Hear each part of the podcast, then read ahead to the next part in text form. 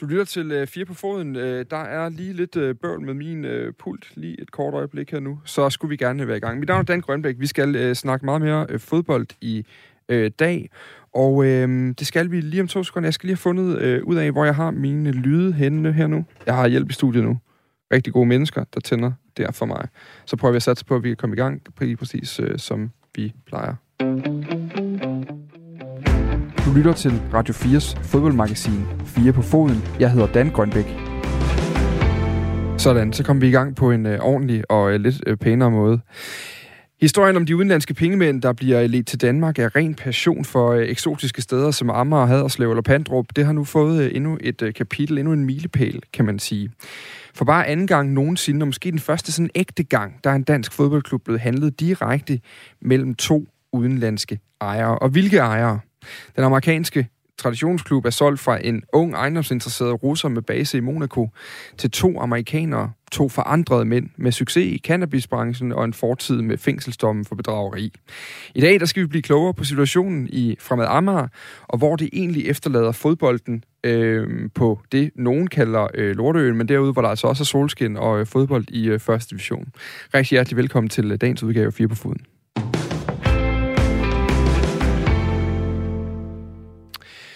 Goddag til dig, Allan Ravn. Du er lige med på øh, telefonen her.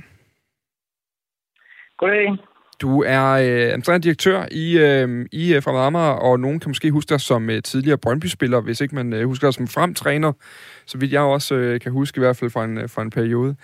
Øhm, fra nu af der er du også øh, med en ny chef i de her to amerikanske investorer, altså Joshua Wallace og, og Richard Allen Finger. Og du kommer til at blive, øh, du, kære lytter, kommer til at blive klogere på selve købet og på de her to nye ejere igennem den her udsendelse. Men, men øh, jeg kunne egentlig godt tænke mig, Allan Ravn, du har jo været i klubben i noget tid nu, og lige starte med at blive klogere på, mm. hvad er det egentlig, de har købt? Altså, hvad er Fremad Amager egentlig for en størrelse? Kan du ikke prøve lige at starte med at fortælle mig, hvad, hvad, hvis du sådan skal ud og sælge et, et, en fodboldklub for eksempelvis, og nogen spørger, hvad er det for en fodboldklub, du er direktør i? Hvad er så det første, du fortæller om? Jamen, jeg er direktør i en fodboldklub, som øh, tror jeg nok de fleste vil kunne stå under på, øh, stadigvæk gå under en betegnelse af at have måske det største potentiale på nuværende tidspunkt i dansk fodbold, som er øh, uforløst. Så jeg er administrerende direktør i en klub, som har haft en turbulent øh, historie, men også har en lang historie. Klubben er fra 1910. Øhm, og så er jeg direktør for en fodboldklub, som ligger i et meget, meget stolt område af, af Danmark, som, jo, som du selv nævnte før, mm. også bliver kaldt for Lortøen. Og det har også en betydning. Og, og, kan du lige fortælle mig, altså det er vigtigt at lige sige, at Allen skulle have været med her i studiet i dag, men der har desværre været nogle arbejdsforpligtelser, der gør, at uh, han, er, han er nødt til at være med fra et uh, hotelværelse et sted i, uh, sted i Sverige uh, lige nu, og, og vi er glade for, at du har lyst til at tale med os uh, om de her ting, Allen Ravn. Men, men hvorfor skulle uh, Fremad Amager i det hele taget sælges nu her? Jamen, øh, sådan er det jo både med fodboldklubber og med virksomheder øh, generelt. Det er på et tidspunkt, hvis øh, en ejer ikke har lyst til at eje mere, jamen så øh, sælger man. Eller hvis man har drevet så god en forretning, at den er blevet interessant for, for, for købere. Så øh, at, at handle en fodboldklub er ligesom at handle en, en type af virksomhed. Det er et spørgsmål, der er en, en sælger og en køber øh, til stede på det rigtige tidspunkt. Så det handler om, at uh, Anton Sinkarevic, som vi også kommer lidt ind omkring i dag, som er nu den tidligere ejer i Amager, han gad ikke være ejer af Fremad Amager mere? Ja, det er korrekt. Det er jo en, øh, kan man sige, en del af ligningen for et salg, det er, at, øh, at ejeren ønsker øh, noget nyere, eller noget andet, eller noget mere, eller noget anderledes. Øhm, så, øh, så ja, han havde ikke lyst til at være, være ejer mere, og så satte vi processen i gang. Og lad os så prøve at komme, øh, komme lidt ind på, på selve de, de, de nye ejere. Det skal vi også blive klogere på i løbet af det her. Men jeg kunne egentlig godt tænke mig lige at, og, og, inden, og, og være lidt i, i, i ansvaret i det her, altså hvad det egentlig er, der sker. Altså, hvad, hvordan har det egentlig været i, i den seneste periode? Du har været i klubben siden 2020. Hvordan har det været at være, være direktør i en klub, der var ejet af en, en, en russisk investor?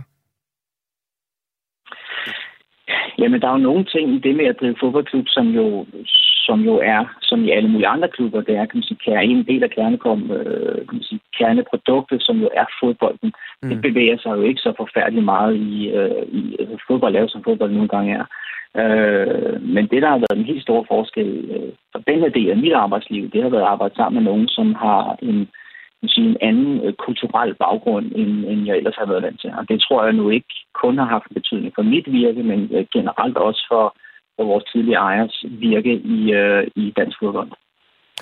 Hvad er det for nogle oplevelser, helt konkret? Altså, hvad, hvad tror du ville have været anderledes, hvis du havde haft en, en dansk ejer, der, der, der havde bopæl i, i, i landet og, og kendt til, til kulturen hjemme?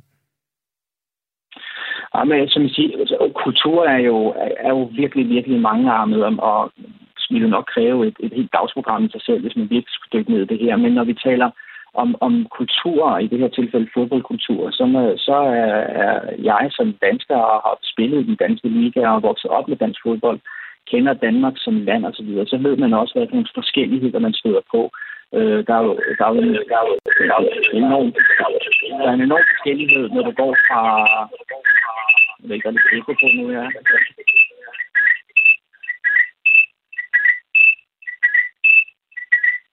Jeg skal lige løse den her udfordring en lige et kort øjeblik. Vi har lidt bøvl med lyden i dag, øh, men vi prøver lige at gøre sådan her nu, at vi øh, lukker for den der linje. Og øh, Allan, så prøver du lige at, at tale til mig igen, så satser vi på, at der er nu. Og du vil gerne, vi skifter nemlig Allan over på en lidt bedre forbindelse nu, Allan, så vi, øh, vi hopper lige ind i Teams, og der må du gerne snakke til mig nu, så skulle jeg gerne have lyd igennem. Det skulle gerne være det, der har skabt problemet for os, lige for et sekund siden. Kan du høre mig nu klart og tydeligt?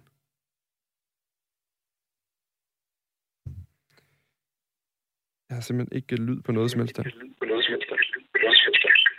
Godt, vi hopper over telefonen igen, Allan. Det var forsøget værd. Det lykkedes ikke. Nu uh, snakker vi bare sammen på en ganske almindelig uh, old school telefonforbindelse. Der er vi det mindste sikre på, at vi kan høre hinanden, så må vi leve med knasen. Sådan er det, ja. ja. Og du kan høre mig igen her. Ja, det kan jeg i hvert fald. Ja, det er godt.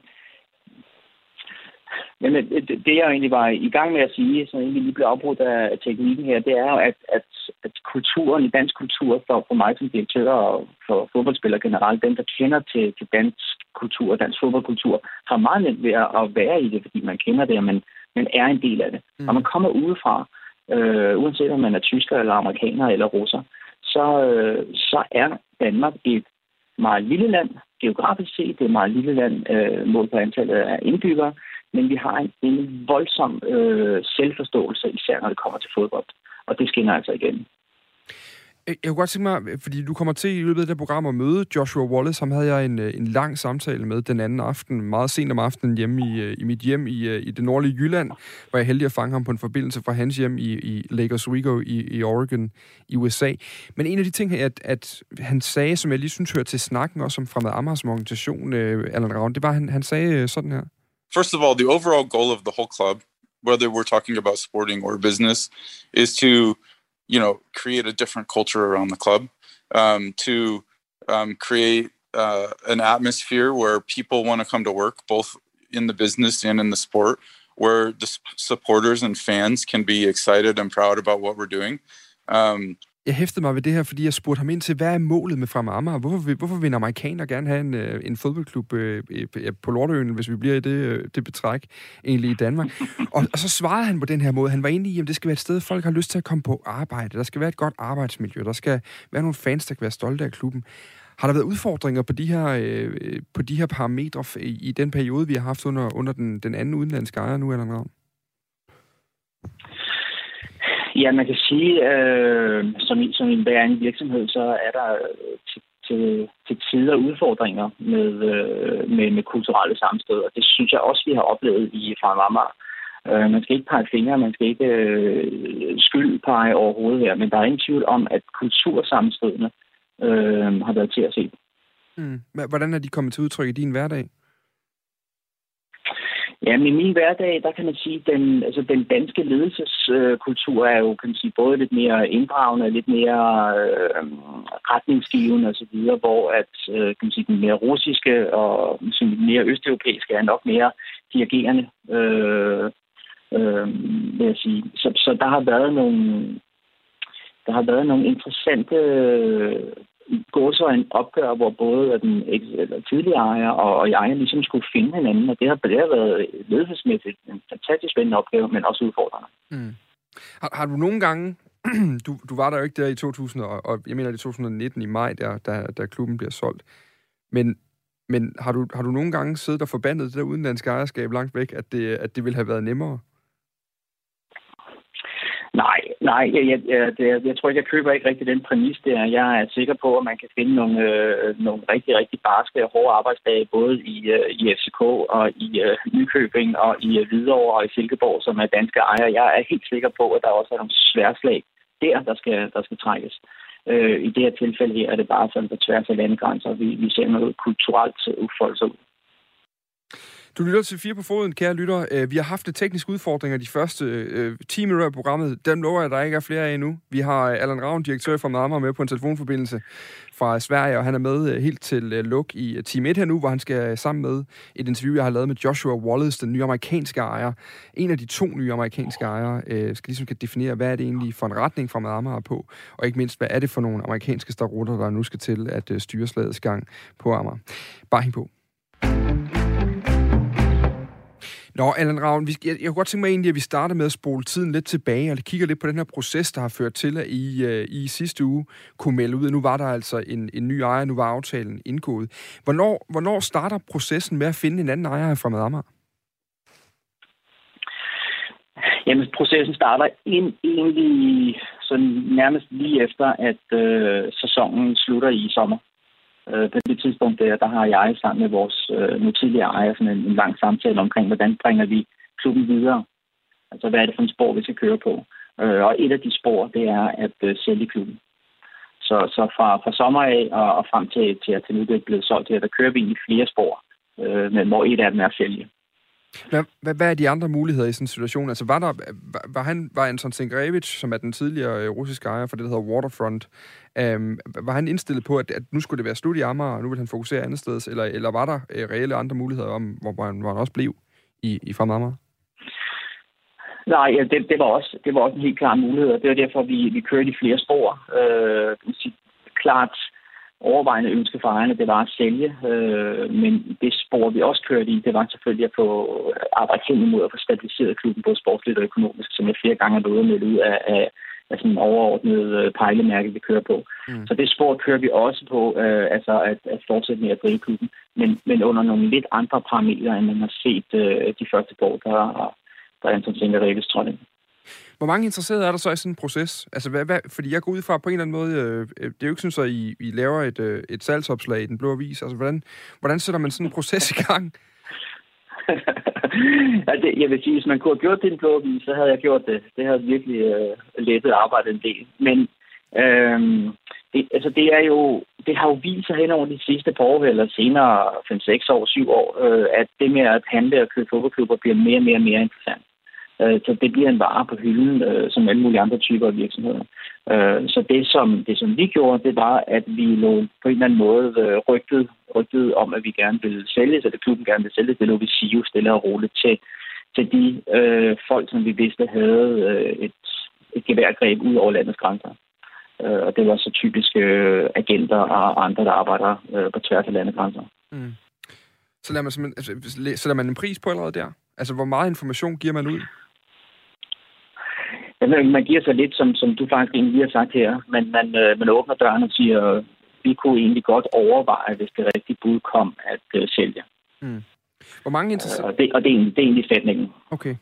Hvor mange interesserede dukker der så op? Øh, fordi det har jo været en længere proces, hvor man så snæver ind løbende. Men, men da, da du ligesom øh, nu har I lagt ordet ud, der er nogle de rigtige agenter ved de rigtige ting, og de kan så begynde at snakke med de rigtige mennesker, og forhåbentlig så opstår der et eller andet, der er endnu mere rigtigt på et tidspunkt. Men, men, men, men hvor mange interesserede var der øh, på det her tidspunkt i starten af efteråret?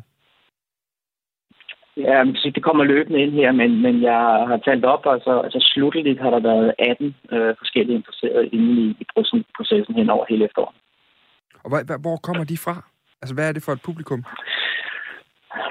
Ja, men det, det er jo et meget, det er et meget bredt felt, men, men det spænder jo helt fra, fra, øh, fra Malaysia og ind over, øh, ind over Europa, det meste af Europa, videre over til, til østkysten i USA, og hele vejen ind over USA, og sluttet så i vestkysten, øh, på vestkysten af USA. Men, øh, så vi har egentlig været, haft mere eller mindre hele verden i røven.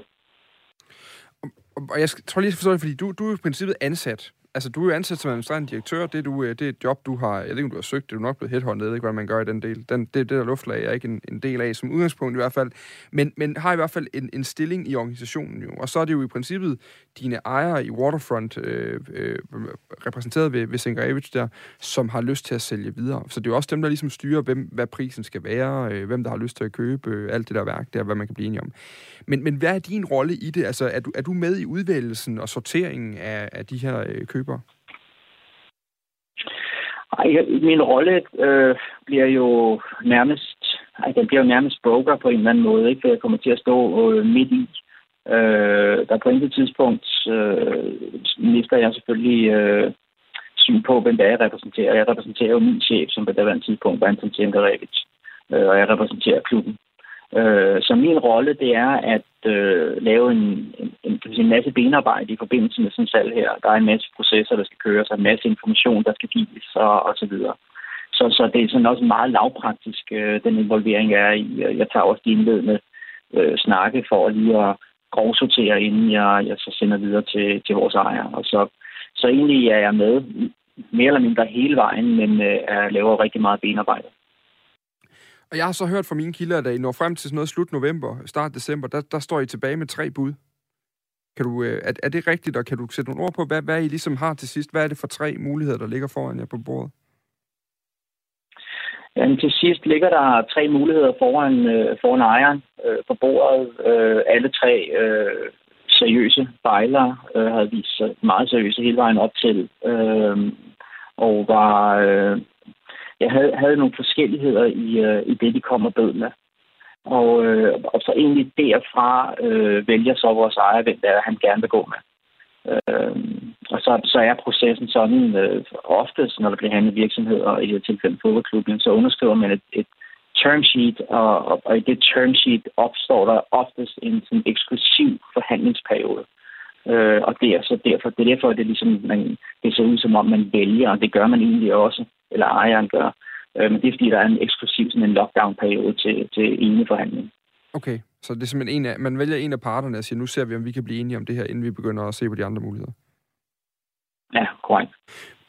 Jeg, jeg, har, jeg har hørt, at der var et dansk-svensk bud blandt. Kan du, kan du sætte navn på, eller sætte nogle... Øh, du må meget gerne sætte navn på, hvis du kan det eller navn. Men, men er der i hvert fald, kan du sætte nogle nationaliteter på, eller i hvert fald en beskrivelse af, hvad det er for nogle muligheder, der ligger tilbage, da I er i slutprocessen af den her salgsproces? Jamen, øh, jeg, jeg, kan ikke, jeg kan ikke sætte navn på, fordi det, det må jeg simpelthen ikke, fordi at man bliver låst også af det, der hedder en NDA, når man indgår i sådan en proces som det her, non-disclosure agreement, så, øh, så det kan jeg ikke. Øh, men det er rigtigt, det sidste par, par øh, selskaber, der er med i opløbet her, den ene af dem er et øh, dansk-svensk øh, konsortie, som, som bejler til det også, så det, det er helt korrekt. Og, hvad, hvad, og så er der så den amerikanske bud, vi jo så ved, det ender med. Øh, hvad med den tredje? Er det også et udenlandsk? Nej, det var dansk konsortium også.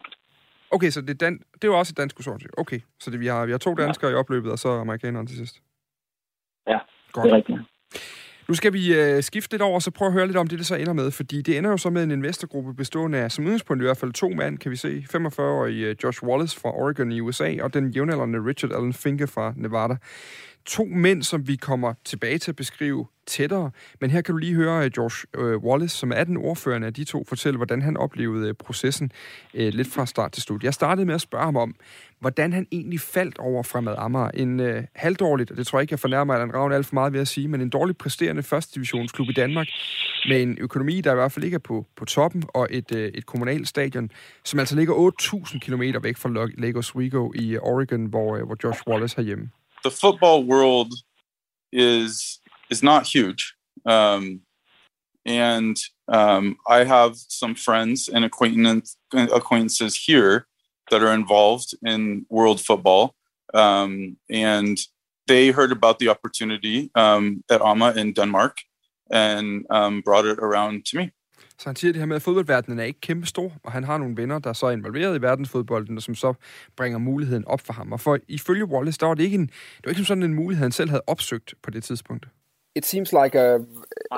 Why, why, did it bring it to you? Did you already express that you wanted to to get into the football world? Was that a, a an aim for you or a motive for you before? no, I wasn't actively looking um, to get into the football world. I'm a big fan of the football world. Um, you know, I've always expressed expressed interest um, with my friends and colleagues in, you know, in the game and in the business of the game and all of that stuff. And so, you know, I think it was just rather opportunistically that it was brought to me. It wasn't, you know, intentionally or or by some uh, big search or anything like that. Han siger her, jeg ledte ikke aktivt efter at komme ind i fodbold. Jeg er en øh, stor øh, fodboldfan. Jeg har altid snakket og interesseret mig for forretningen bag spillet. Jeg tror, det var lidt opportunistisk, siger han så, at det landede foran mig. Der var nogen, der så en mulighed, og det var ikke nødvendigvis en resultat af en, af en, af en stor research-proces på forhånd i hvert fald. Øhm, Allan Ravn, før der beskrev jeg jo øh, Fremad Amager som en dårligt præsterende fodboldklub, men øh, lad os bare sige lidt en tvivlsom økonomi og et, og et kommunalt stadion, og, og meget, meget, meget, meget langt væk fra USA. Hvad er det egentlig for et øh, Fremad Amager, han har købt, Josh Wallace? Altså, hvad er tilstanden, hvis vi kigger på økonomi, på det sportslige og på det, øh, øh hvad kan man sige, facilitetsmæssige? Ej, jeg vil sige, du rammer ikke helt ved siden af din øh, ret så barske øh, opremsning der. Øh, fra Mama, øh, ja, vi ligger i bunden af første division på nuværende tidspunkt, så sportsligt øh, har vi underpræsteret øh, big time. Det er der ikke nogen, øh, det er der ikke nogen, det er ikke nogen hemmelighed. Øh, økonomisk var de tidligere ejere kommet ind i klubben med en, en klar strategi om at rykke Superligaen. Og det var det, man investerede efter. Øh, og det har man selvfølgelig også set i, i bøgerne. Det, øh, det har været et dyrt eventyr at forsøge at, at nå dertil. Så det er det, man også kan se. Så økonomien har ikke været prangende. Øhm, og så kommer vi så til det sidste, som jo er det kommunale stadion. Og det er, det er jo en af de helt, helt store problematikker, øh, ikke kun for meget generelt for fodbold, dem der gerne vil mere, det er, hvis infrastrukturen og her i blandt stadion, hvis det ikke følger med, øh, så har man en udfordring. Og det er ikke fordi, at, at man bare vil gerne have en bedre fodboldbane at spille på, men det er simpelthen en generel udfordring i at kunne levere et produkt til, øh, til fans, til sponsorer, til, til modstanderhold og til tv for eksempel også. Så, så, så infrastrukturen er, er også problematisk for os nu her. Så til de spørgsmål, hvad det er, han kommer og, og køber ind på nu her, jamen det er i hvert fald en chance. Og så er det en chance, hvor at uh, potentialet er stort, men det skal forløses. Og jeg spurgte også øh, Josh Wallace lidt ind til, hvad, øh, hvad Fremad egentlig har kostet ham. I'm not going to get into the specific dollar amounts of the deal or you know uh, payment amounts of the deal because those are are kind of private between the groups. But um, I can say that yeah, the the club um, hasn't necessarily been in the best financial shape over the last um, short period of time, and you know, part of of of the structure of the deal is that you know we will be responsible for recovering the club financially, um, and and that's what we've you know that's something that we've signed up for and that we're committed to doing. Um, we we've taken on some of the debt of the club, um, and um, clearly the uh, the operational responsibilities of the club. And we, when you say some, can you elaborate on that? The previous owner assumed some, and we've assumed some. So that was a part of the deal. Was that the you know those those debts have been sort of split in some way between us, and they're not they're not insignificant amounts. I can just give it some perspective. The um, you know, you often hear about clubs in Europe, small clubs, uh, you know, first division, second division, third division clubs.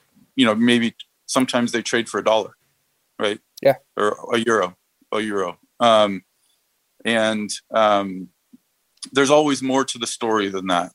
So um,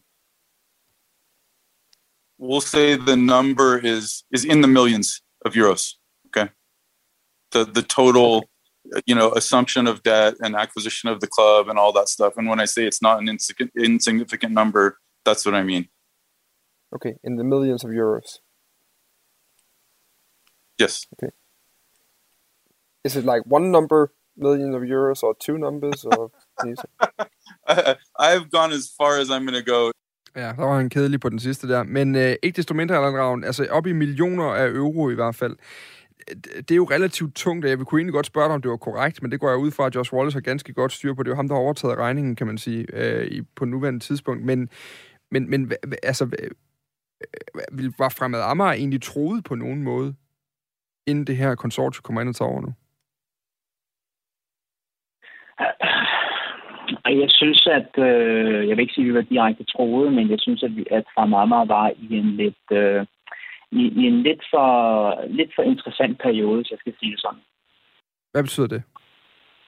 For jeg, jeg er jo lidt uden for klubben her, for han taler også om ikke ubetydelige beløb, og ikke ubetydelige beløb for mig, det er måske 1000 kroner, jeg skal bruge ned i en butik en gang imellem. Det er jo ikke millioner euro her, så jeg, jeg har fornemmelsen, I, I, I opererer i et andet luftlag, end jeg er vant til at agere i her. Nej, nu, skal vi lige, nu er det ikke mig, der har købt fodboldklubben her. Jeg, vil sige. Jeg, jeg, kan også godt, jeg kan også godt lave impulskøb en gang imellem, så er det måske en, øh, en, en jakke eller en, en øh, cykel eller noget der. Det er ikke en fodboldklub, skal jeg lige sige. Øh, jamen, altså, som jeg ser på det, så havde Fremad Amager brug for, for ny energi. Og i det her tilfælde også nye ejere. Og, øh, og ved siden af det er der selvfølgelig en ny kapitalindsprøjtning, og, øh, og det var nødvendigt. Mm. Øhm, nu har vi været lidt omkring din rolle, at du ligesom har været en eller anden form for broker, altså en eller anden form for mellemmand. Du skal selvfølgelig være information om den virksomhed, du er direktør for, til den her øh, øh forhandlingsproces, der så foregår mellem to, øh, to, to parter, der sidder og skal købe. Som du selv siger, det er jo ikke dig, der har købt en, en fodboldklub her nu. Men har det, været, har det på en eller anden måde været et krav eller en, eller en, øh, eller en vigtig del for dig, og også for den sportsdirektion i Jakob Gax Gregersen, der sidder i klubben, at I kunne blive på jeres jobs? Har det betydet noget for processen, og hvem der, hvem der, hvem der blev der? Nej. Nej, det har det ikke overhovedet. Altså i det tilfælde, at øh, de tidligere ejere og, og, og jeg ligesom laver en aftale i sommeren om, at vi kører flere spor, og et af sporene det er et salg, jamen, så får jeg derved også et, et opdrag om at, at øh, forestå de ting, der skal laves ved et salg, som, mm. som jeg kan nu som, som direktør. Meget af benarbejdet, som jeg sagde før. Så nej, der har ikke været noget krav for, for hverken min side eller den sportslige side om at kunne fortsætte overhovedet. Øhm, jeg synes, det, der har været vigtigt, det er at kunne levere så, så rigtige informationer som overhovedet muligt til, til de potentielle købere, der skulle ind og kigge på det. Og, og der skal man måske knytte til, at noget af det, som jeg har brugt rigtig meget tid på, som er ved jeg jo lidt ud over det normale i forhold til, når man handler virksomheder, det er, at jeg har brugt meget tid på at informere om, hvad det er for en klub, og hvad det er for en størrelse. Hvad er det for en kultur, man kigger ind i. Altså, altså nu har vi sagt Lortøen et par gange, men det har en betydning når man bor på Amager, og man er fra Amager. Hvad, hvad, er det, hvad er det, det betyder? Hvorfor er det en del af... Hvorfor betyder det noget, om, øh, om hvis man er på Amager, om man kører over broen til København for at gå ud og spise, eller ikke gør? Altså, og der er en masse ting, som jeg har brugt tid på, ikke kun, på, ikke kun over for Josh og Richard, som endte med købklubben, men også øh, til, til de andre øh, bejlere at sikre mig, at man ligesom havde en forståelse af, hvad det er for en klub, man kigger ind i. Mm. Øh, en meget, meget gammel og meget, meget stolt klub. Lige til sidst, det er bare for, spørgsmålet er jo også, når det går skidt i en fodboldklub, og det kan vi jo godt blive enige om, at det i hvert fald på nogle parametre har gjort det fra meget, så, kan, så ligger der jo en del af ansvaret, ligger selvfølgelig hos ejeren, der var vi inde på før, at der er blevet investeret i at komme i Superligaen. Det er som bekendt ikke gået særlig godt. Øh, derfor står man, hvor man står nu. Men, men er, der også noget, er der også noget ansvar hos dig, altså hos, øh, hos den sportslige ledelse, for, for hvor, hvor det er henne nu, og, og, og kunne det så ikke være naturligt, hvis jeg overtog en fodboldklub og siger, men, hvor godt er det lige, Allan Ravn han har gjort det, øh, når jeg kigger på tingene på nuværende tidspunkt? Jo, men det, altså absolut. For det første, så øh, er det jo vigtigt, at man som en direktør tager det ansvar, man nu engang også har fået givet. Mm. Så øh, og udover det, så er det, så er det jo ikke unaturligt, at når der bliver handlet virksomheder, at de nye ejere sætter en ny ledelse ind. Og, øh, og skulle det ske i det her tilfælde her, jamen så, så ved jeg, at jeg har afleveret øh, til de nye ejere efter bedste evne, og øh, så kører det videre derfra. Mm. Det, jeg synes, det hænger måske meget godt sammen med min sådan helt grundfilosofi, både for livet og forretning. Det er, jeg tror bare generelt, at vi har tingene til loven til i livet. Mm. Og jeg klamrer mig ikke til en taburet eller noget som helst. Øh, jeg går på arbejde hver dag for at gøre mit bedste, og gøre mit bedste på, på de dage, jeg har, øh, indtil der er nogen, der vælger noget andet. Er det, er det planen, at du skal fortsætte lige nu, ud fra de samtaler, du har med Josh? Ja, lige nu er det Udmærket. Vi skal blive lidt klogere nu på, hvem det så er, der er kommet ind i klubben, altså nemlig ham her, Josh Wallace.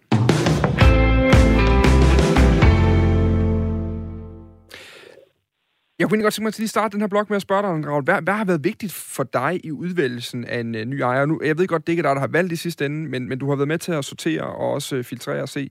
Og der taler vi måske ikke så meget om, vi, altså de har, vi må gå ud fra, at de alle som har nogle økonomiske ressourcer til rådighed, øh, som, som kan øh, benyttes i den her situation. Men også i forhold til persongalleriet. Altså hvad, hvad har været vigtigt for jer der efter med erfaringen fra Anton Sengarevich og Waterfront in mente? Ja, man kan sige, som du, som du rigtig nok siger, øh, den her, så, så er det ikke øh, mig som, som er direktør, som, som vælger, hvem det er, der skal have lov til at, at løbe med klubben her. Det er en sag mellem øh, sælger og køber. Øh, jeg har brugt, som jeg også sagde meget tid på til alle dem, der var seriøse i processen, om at forklare, hvad det er for en klub, som de kigger på. Øh, og så tror jeg at jeg har sagt det flere gange til dem. De har sikkert været trætte af mig til sidst. Og det har været min måde ligesom at, at spore ind på, om det var, var de, de rigtige mennesker med de, øh, med de rigtige værdier. Mm. Det, er jo, det er jo altid svært, når, når det kommer til alt. Øh, men, men der, jeg kan fortælle dig så meget, at noget af det første, jeg sagde til, til folk, øh, når de ringede op, for at høre, om det var korrekt. Og så efter jeg havde øh, sagt ja, den er rigtigt, og kunne du være interesseret? Ja, det kunne vi godt. Øh, det næste, jeg så sagde til dem, det var, at I skal være klar til at stille jer op på ølkassen i Sundby Park og sige, her er jeg. Hvis I ikke er det, så skal I trække nu. Altså åbenhed som en klar rolle? Åbenhed øh, som, som absolut nummer et. Ja. Er det fordi, man har oplevet for lidt åbenhed med Singrevich? Øhm, ja, fra fansens side tror jeg, at de har svært ved at finde ud af, hvad vej man gerne ville, og hvad planen var. Og, øh, mm. og, og, og lige præcis, og der kommer tilbage til noget kulturelt her. Øh, Øh, og i dansk fodboldkultur, der er man vant til sådan relativt meget åbenhed. Øh, og det ser man jo også i, i topklubberne i Superligaen en gang imellem. Der er en ejer, som, øh, som er åben. Og nu zoomer vi sådan ind på den nye. Altså, Joshua Wallace er i uh, korte træk en uh, øh, 45-årig forretningsmand fra den vestamerikanske stat Oregon. Han har startet med at lave uh, mikrochips i sin tid i uh, den store virksomhed Intel, som man måske kender fra sin computer derhjemme. Der stoppede han så en gang i nullerne og kastede sig over investeringsbranchen i uh, stedet for. Her der går det øh, ikke glat mere galt for den gode Wallace. Han ender med en øh, dom på 27 måneders fængsel på grund af bedrag, simpelthen fordi han har oversolgt, hvor godt det gik øh, for hans virksomhed til potentielle investorer.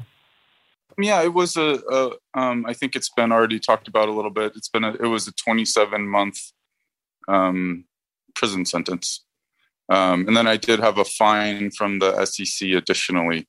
Um, also, so that was the that was the consequence. How how how long was that ban for? Are you still restricted from doing I. You know what? I I really don't. I don't even know. um, I don't have. I don't. I don't have any interest in getting back into that business at all. So the ban is is sort of you know the time length of the ban to me is uh, somewhat meaningless because I have no I have no intention or interest of going back to that place. Han fortæller her, at øh, han jo fik de her 27 måneders fængsel, øh, og så efterfølgende også en bøde. Den her bøde, den var på i alt 840.000 dollars, eller knap 7-8 millioner kroner, øh, til ham og hans øh, virksomhed System Capital på det tidspunkt. Og så spørger jeg ind til den her karantæne, for han får sådan en karantæne for det, der vel er en eller anden form for investeringstilsynet i, i USA. Øh, og øh, jeg spørger ham ind til, om han stadig er karantæneramt, og han svarer ret interessant, fordi han svarer, at det ved han ikke engang, og han er også ligeglad, for han skal aldrig tilbage til den branche, er hans øh, argument. Der. Og så sad jeg jo så, der har også været overskrifter i andre danske medier, som har talt med Joshua Wallace. Vi har alle sammen fundet de samme retsdokumenter med de samme uh, districts attorney stempler på, og det ser jo ganske alvorligt ud.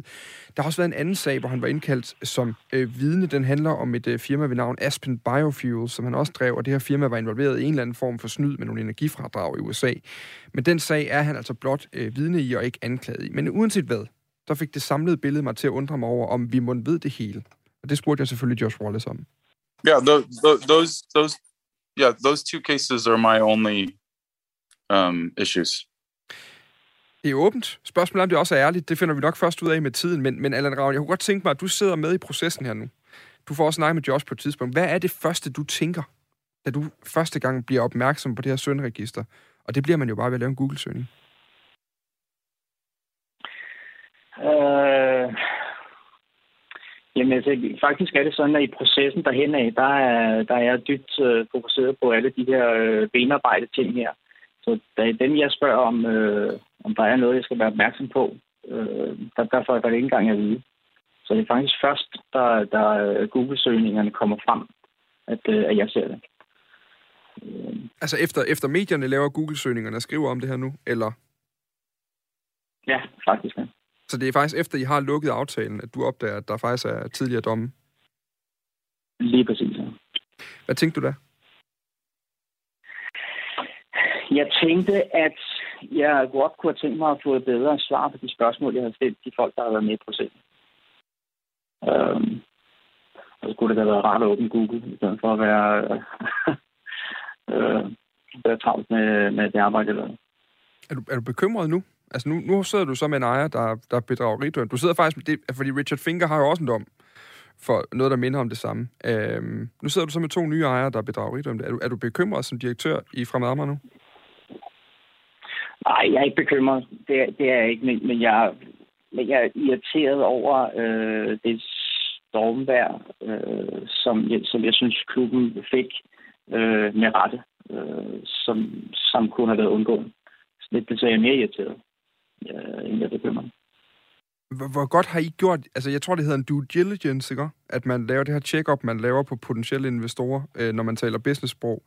Hvor, hvor, hvor dygtige, hvor grundige har I været i det stykke arbejde, inden I solgte altså fælles afsøl på Amager, ja, fra med Amager til, til ham her? Eller, og nu siger jeg igen, I solgte, og det må, det, må, det må lytterne også vide, det er ikke Allan selv, der har solgt det, det er de tidligere ejere, Anton Tegreves, der har solgt klubben. Alle de der forbehold skal vi nok lige øh, tage hele vejen igennem. Men du har været med i processen, og, og du vidste det heller ikke selv der, der er mange mennesker med i sådan en proces her, og øh, jeg, jeg vil sige sådan her, at det gule flag blev ikke engang hejst på noget tidspunkt af nogle af de andre, som, øh, som er med i processen også. Og det er den største irritation for mig i dag. Lav, men, men du, du har ikke engang lavet Google-søgningen på noget tidspunkt på den mand, der er ved at købe den fodboldklub, du er direktør for? Jeg laver Google-søgningen på ham, men jeg vil sige sådan her, jeg er ikke særlig dygtig til det. Jeg, jeg husker det som om, det er nummer 4 på listen, når man søger. Det er et retsdokument fra U.S. Attorney Southern District i New York, om at han er... Jeg tror, du har ret i. Jeg tror, du har ret i. Det, det ligger alligevel et nyt niveau på, at ikke være særlig dygtig til at google eller noget. Ja, det må man sige. Og det er i hvert fald heller ikke nogen øh, særlig... Øh, det var ikke nogen særlig hyggelig dag at få smidt den i hovedet, sige. Men han har, han har ikke selv fortalt om det på noget tidspunkt, fordi det der jo er ved Josh Wallace, det er jo, han siger jo til os gang på gang i medierne, jamen det er en, vi har simpelthen valgt, der skal være åbenhed nu, derfor fortæller jeg det åbent. Det er ikke nemt for mig, men I får det hele at vide.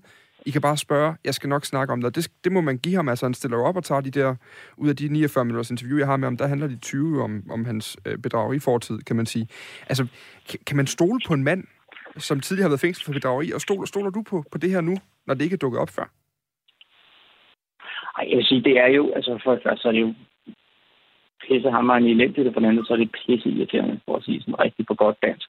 Mm. Øhm, og så, øh, så håber jeg, og tror på, at man kan stole på det, som, som, som Josh han nu siger. Øh, jeg har stillet mange spørgsmål undervejs, og øh, lige inden vi øh, øh går sådan public med det hele, der har vi et meget langt interview, øh, og stiller spørgsmål mange gange, er der noget vigtigt her, jeg skal vide? Øh, og det, det synes jeg jo et eller andet sted var, var vigtigt, at jeg havde fået den viden. Øh, øh, men efterfølgende, da jeg taler med Josh og fremlægger ham, der siger, prøv at høre, det, det, var, det var relativt klodset det her. Øh, for at sige det, det var, jeg brugte nok nogle andre ord. Øh, der er hans svar, jamen, jeg skal ikke sagen en tanke. Jeg har udstået min straf. Jeg har taget ansvaret. Jeg tænkte ikke over Okay.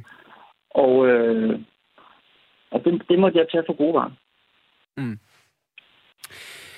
Okay, altså vi, jeg, jeg spurgte også øh, Josh ind, da jeg snakkede med ham til... Øhm, jamen, nej, jeg vil faktisk lige gøre den færdig, den der, fordi hvis det her nu går skidt, altså det, det vil ikke være det første gang i dansk, nyere dansk fodboldhistorie, at en udenlandsk ejer eh, mildest ikke matchet det, man havde håbet på, det ville være. Måske kan jeg endda være så fræk og sige, at det bedste eksempel er i fra Amager med den tidligere ejer. Hvis det her nu går skidt, kan du så se fansene i øjnene på den anden side og, og sige til dem, prøv at vi gjorde alt, hvad vi kunne for at finde en reel, ærlig, god fyr, der bare gerne ville lorthøen? Ja, jeg, kan, jeg kan sagtens se fansene i øjnene. Jeg kan også se sponsorerne i øjnene. Jeg kan også se spillerne og medarbejderne i øjnene. Fordi jeg ved, hvad arbejde der er blevet lavet. Mm. Så det kan jeg sagtens. Okay. Ja, I går lidt ved, jeg spurgte også øh, Josh ind til nemlig, hvorfor han øh, har investeret i en dansk fodboldklub. Altså, der er som sagt øh, mere end 8.000 km fra Oregon i USA til Sundby Idrætspark øh, på øh, Englandsvej på Amager, hvis jeg ikke går helt galt i byen. Og, øh, og der er næsten lige så langt fra cannabisbranchen i øh, den amerikanske, eller på den amerikanske vestkyst til øh, fodbold i første division til Danmark. Og han siger faktisk, der er flere svar på øh, det spørgsmål. There are several reasons to get involved in, in sporting. One is it's, it's fun, it's exciting. I'm, you know, I'm a fan, we're fans of it. There are also just to be frank, certain tax benefits in the U.S. for owning a sports franchise um, and for making the purchase. So there's that aspect to it um, from a business perspective. But those things aside, um, you know, the reason why you look for, um, you know, or you when you get presented a, an opportunity that is, you know, so far away and and and you research it and do it is because those opportunities don't present themselves here. We have a much different structure to our sporting franchises here, and um, just frankly, they're much more expensive. I mean, that's they're they're the level that it takes to attain, um, you know, an MLS club is orders of magnitude bigger than it is to attain a you know second division Danish club. Det er sjovt at være en del af fodboldbranchen. Der er skattefordel i USA, hvis man ejer en sportsfranchise, og MLS-klubber, de er alt for dyre. Det er øh, argumenterne for at investere i europæisk fodbold og i fremad Amager. Når vi så samtidig ligger til, at, øh, at nogen glemte at lave tjekket på, øh, på The Criminal Record øh, på ham her, øh, eller på dem her, er der, har, du, har du tillid til, at, at det er de rigtige årsager, at Josh Wallace han er, øh, han, han vil være mere dedikeret end Anton Tinkerevic nødvendigvis? Altså, jeg er ikke blevet overbevist om andet indtil videre. Øh, i de snakker, vi har haft omkring, øh, hvorfor han køber klubben, ønsket omkring klubben, øh, hvordan han ser fremtiden for klubben og sin egen involvering. Så der er ikke noget andet der, der har overbevist mig om, øh, om det. Er der noget, der, er der noget der, hvad, hvad er det, der fortæller dig? Fordi du har mødt Sengrevich face to face. Jeg har lavet mig fortælle, at, øh, at, at de har flest møder over, over øh, Teams og alt muligt andet med øh, Josh Wallace og de andre. Men, men når du også ligesom har snakket med ham, altså hvad, hvad er forskellen på de to? For at vi ikke står og har samme snak om tre år, når I så er blevet solgt til, til en ny amerikaner? Og jeg vil sige, hvis man nu bliver solgt igen til en ny amerikaner, så er det jo ikke kun en dårlig ting. Det skal man jo også ud på. Øh, køb og salg af klubber og virksomheder er jo ikke kun en dårlig ting. Øh, jamen, altså, hvad er det for nogle andre typer af snakker, vi har haft? Jamen, det har været mere snakket omkring øh, kulturen. Det har været omkring øh, ledelsen af klubben, opbygningen af holdet. Det har været øh, i, i de snakke, jeg har haft, der har jeg gjort meget ud af at, at indikere, at jeg tror, det er en god idé, at man sætter tempoet ned, når man kommer ind som ny ejer, i mm. stedet for at sætte tempoet voldsomt op. Og, øh, og det er ligesom det, som øh, Josh har købt ind på. Det er et meget godt sted, og du burde næsten være radiovært, øh, Allan Ravn, fordi jeg tror, det er det, man i håndværkssprog kalder en rigtig god bro til det næste, vi skal snakke om. Det er netop øh, tempoet, han øh, kommer ind med, og, og hvad der skal ske i den første tid. For hvad så nu? Altså, det er jo på mange måder det mest interessante spørgsmål lige nu, øh, selvfølgelig udover hele den her, der øh, gælder, hvad de har lavet, de her, øh, før de blev fodboldlejere i Danmark. Men det mest interessante spørgsmål er jo, hvad der skal ske med Fremad Amager nu. Altså, under Anton Sinkerevic ejerskab og Waterfronts ejerskab, der har klubben leveret, levet en, Jamen, jeg, ved ikke, jeg tror godt, vi kan sige noget mere omtumlet tilværelse, men øh, en, en, i hvert fald en, øh, en, en belastet økonomi. Der har været skiftende træner, der har været dårlige resultater, særligt i denne sæson. Øh, og helt galt, der er det jo gået i efteråret i Nordic Bet Ligaen, hvor man på nuværende tidspunkt er på vinterferie som rækkens bundprop, lige bag de, øh, jeg vil sige, de tre dårlige nordjyske, og så, øh, og så med, øh, med, med en af de, et af de hold i hele ligaen, der har lukket allerflest mål ind. Men nu skal der ske ting og sager for Josh Wallace her. Han fortæller i det interview, jeg lavede med ham øh, sent torsdag aften over en øh, Skype-forbindelse til hans hjem i Oregon øh, i Lake Oswego, at de nye ejere de er altså klar til at investere nu for at redde livet i Danmarks næstbedste række.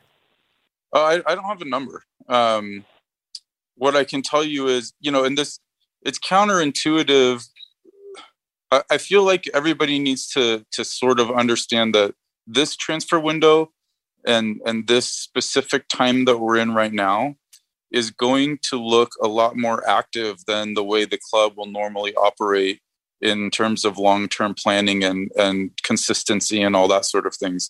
Um, that's because we're in this ownership transition phase, and and a big part of that, um, and a part of the the structured deal um, with the former owner is some of has some to do with the this active transfer window. You know, there's two aspects to it. Some of these players are going with Anton, to put it frankly, and that was part of the deal. We also need to get better um, as a team to so we can stay in the league. So there there is going to be a major turnover of players um, in this transfer window. Okay, um, we haven't set a dollar amount on on acquisitions that we bring in, um, and and I'm not really even thinking about it that way. Um, what we're going to do is look for the right players for us and the right players for keeping us up in the second half of this um, season, and and then we'll talk about you know what resources it takes to make that happen. Det lyder som et øh, ganske voldsomt skift i spillertruppen. Øh, der er blevet talt om øh, flere end 10 spillere måske, der skal skiftes ud på nuværende tidspunkt. Er det det, der er planen for, for januar eller noget? Jeg kan, jeg kan ikke gå ind specifikt i det overhovedet, øh, hverken på nummer og antal og så videre, men jeg kan helt klart sige, at vi kommer til at se, tror jeg, det mest aktive øh, transfervindue i øh, fra Marmars historie. Men øh, jeg hæftede mig ved et særligt citat, øh, som Josh kommer med. Han siger sådan her. Some of these players are going with Anton, to put it frankly. And that was part of the deal. Som jeg forstår det, der er der simpelthen en, en vis portion af de spillere, der er fra Amars førsteholdstrup, som er en del af handlen, altså af overtagelsen af klubben, at de skal med den tidligere ejer, Anton Sigarevic, formodentlig til hans øh, bulgarske klub, han jo også ejer ved siden af. Hvor mange spillere er der tale om her? Um, som jeg lige sagde før, Daniel, jeg kan ikke kommentere direkte på, på antallet af spillere, og hvem der går, og hvem der ikke går, og hvem der skal gå. Jeg kan ikke kommentere direkte ind på, på dele af handlen, øh, ubeagtet at, at Josh selv i interviewet her nævner øh, og åbner lidt op for, hvad det er, han har indgået af handlen, så kan jeg ikke gøre det. Øh, men øh, det, han siger, det er ikke helt ved siden af. Men hvorfor kan du ikke gøre det? For jeg tænker, jeg kunne også, vi skriver den 13. i 12. i dag, det vil sige, hvis jeg venter tre uger, så er vi inde i januar transfervinduet. Jeg går ud fra, at det ikke er de handler, der tager længst tid at lukke dem, der er lukket i overtagelsen på forhånd. Så jeg kan vel bare kigge den første dag i transfervinduet, kan jeg ikke det? Jo, det kan du godt. Men øh, så er programmet jo i hvert fald blevet meget langt, kan man sige, aftensprogram. Øh, jeg, jeg vil sige, altså det er også til, at jeg heller ikke kommenterer på det nu. Øh, selvfølgelig som, som Josh, øh, som er ny ejer, han kommenterer på, hvad handlen øh, indeholder, eller hvad den ikke indeholder. Det er, står helt vejen regning. Jeg kommenterer ikke på det. Et, fordi det, det er hverken mål, eller kan det som, som direktør. To, så øh, er spillerhandler øh, en meget, meget stor del af, af forretningsområdet i en fodboldklub, om ikke det største. Og derfor kommenterer jeg ikke på det øh, tre uger før et, et, øh, vindue, som, hvor jeg siger, at vi kommer til at se det største øh, gennemtræk fra Marmars historie. Okay, nu, nu lægger jeg nogle forbehold ind for dig, og så kan du få lov til at lave sådan en ja-nej-ting, så, så, vi ligesom, så kan du altid sige, at det var mig, der sagde det jo, og du misforstod eller noget værk. Men, men vi kan jo sige, at, øh, vi kan jo sige, at, at, at kan du bekræfte, at, at et, et hidtil ukendt antal spillere allerede nu har aftalt transfer væk fra, fra med Amager, fordi de er en del af selve kluboptagelsen? Nej. Så det, så det er ikke rigtigt, det Josh siger, eller hvad? Jo, det Josh, Josh siger rigtigt, men det, den præmis, du stiller op i spørgsmålet, er ikke korrekt. Okay, så der er ikke nødvendigvis aftalen på plads endnu. Er det den del af det, der er... Ja, det er rigtigt. Modtaget. Nu er det korrekt. tak, tak Allan Uh, det var godt, vi lige fik den afklaret også. Uh, øh, kan, du, kan du sige noget om, hvilke... Altså, øh, nu kan du komme ind på, hvilke spillere, der er tale om, kan jeg så næsten uh, aflure af, af, af, at du ikke kan kommentere på det. Men er spillerne indforstået med det? Altså, har spillerne været en del af processen i efteråret her nu, og, og er indforstået med, at de ligesom er blevet handlet, samtidig med, at uh, Josh overtager noget gælder fra Amager, så ryger de med Anton videre? Man kan sige, det er jo heldigvis sådan i, øh, i, i fodboldtransfer, det er, at der skal være to klubber, der skal være enige, og så er der altså også en fodboldspiller, der skal være enig. Øh, men man kan ikke handle fodboldspiller, uden spilleren selv er, er enig. Okay. Øh, og og, og det, så, sådan er det, og sådan skal det være. Øh, og det er jo også det, vi kommer til at se i vores kommende transfervindue. Men, men det er bare for at sige, at der er i princippet nogle spillere, der hvis de stiller sig på bagbenene her i løbet af december, og lad os sige, at der er en af dem, der faktisk er blevet lige så glad for Amager, som du er, og ikke har tænkt sig at rykke til Bulgarien lige nu, så kan han faktisk skabe problemer i forhold til hele klubovertagelsen? Øh, nej. Okay. Er det så, fordi der er en eller anden kompensation, der er tænkt ind, hvis nu øh, Dan eller Allan, eller hvad de nu kunne ja, hedde, de spillere her ikke har lyst til at flytte med? øh, nej, jeg vil sige, det, det er jo... Øh, det, det er jo sådan i fodboldhandler, det er, at det gør vi i hvert fald hos os, det er, at vi forsøger at finde det, der er i bedste interesse for alle parter, øh, og, og i sandhed også for, for, for fodboldspilleren. Øh, og det er jo ikke nogen, øh, det er ikke nogen hemmeligheder. I vores trup har vi en del spillere, som, som har fået ingen eller meget, meget lidt spilletid. Øh, og derfor er det udover at det muligvis er en del af en handel, så er det også en helt naturlig del af deres egen fodboldudvikling, at de skal videre. Okay. Jeg kunne godt tænke mig lige at kigge en lille smule mere på, øh, på det her med, hvordan skal se ud, fordi der sagde Josh øh, Wallace også noget interessant til mig, synes jeg, da vi talte sammen. We're, we are a Danish football club, um, and we intend to be more of a Danish football club on the field. Okay. I don't know what the specifics of that look like. Um, and, you know, we clearly have a list of identified players and, and we're working on what our window looks like. Um, but, you know, from us, you know, to let the, you know, the Danish fans know and our supporters, we will be more of a Danish football club coming out of this window than we were going into it. That doesn't mean there won't be any international players on the roster um, at all, but we will we will be moving in the direction in that direction. Altså, det han i kort fortalt siger her, det er, at vi er et mere dansk fodboldhold, når vi kommer ud af det her transfervindue, end var, da vi gik ind i det. Øh, og det handler om, at han gerne vil have flere danske spillere, uden at det nødvendigvis står i vejen for, at der også kan dukke en international spiller op eller to. Det vil også være, være underligt med det transfervindue, vi ser i øjeblikket, eller transfer øh, markedet, vi ser i øjeblikket, der er blevet så globaliseret. Øhm, når man kigger tilbage på de handler, der er øh, indgået under Anton øh, Sengerevic, så er der jo også, altså der er jo danskere, så sent som i sommer, så hentede jo en Superliga-profil i en Per Kanstrup, der er kommet ind og så videre, så det er jo ikke, det er jo ikke nødvendigvis det, man skal konkludere på det, men der er også kommet mange navne ind, som ikke, bestemt ikke er household names for den klassiske danske fodboldfan. Er, er det en klar øh, ambition også på det sportslige område at rykke sig længere tilbage mod en dansk øh, identitet på, på det her hold, øh, Allan Ravn? Ja, det er, altså, det er en klar vej at, øh, at, at gå endnu mere øh, dansk, skandinavisk. Det, det er altså, det, vi kommer til at se det kommer transfervindue er bærer selvfølgelig hen, også derhen af. Øh, det skal så også lige være sagt, at det, den proces har vi allerede været lidt i gang med, øh, som du selv nævner. Det, det har vi set, øh, og flere og flere danske spillere er, er kommet til. Øh, og det er ikke fordi, at det bare skal være dansk for at være dansk, men det har været for at øh, tilbage og stå på det fundament, som, som vi mener, at fra Marmar skal, skal bygges på. Til sidst så, vi har små 3,5 minutter tilbage eller noget i den stil. Så er vi øh, færdige med dagens udsendelse. Du har øh, siddet og pareret. I, øh, rigtig flot, synes jeg. Det skal du have point for, eller at stille op og være med i det lange interview, fordi vi bliver alle sammen klogere det her. Øhm, men, men jeg kunne egentlig godt tænke mig til sidst, noget af det Josh sagde til mig også, det er, at målet med det her, det er, øh, han, han, der var ikke nogen floskler om at skulle skabe stor talentudvikling. Øh, det, var ikke, det nævnte han overhovedet ikke i løbet af de 49 minutter, der spurgte ham ind for, hvad ideen er med, med fra Amager. Øh, målet var heller ikke at vinde Champions League. Det, det vil han sikkert gerne, hvis det skulle komme i hans retning. Det er slet ikke det.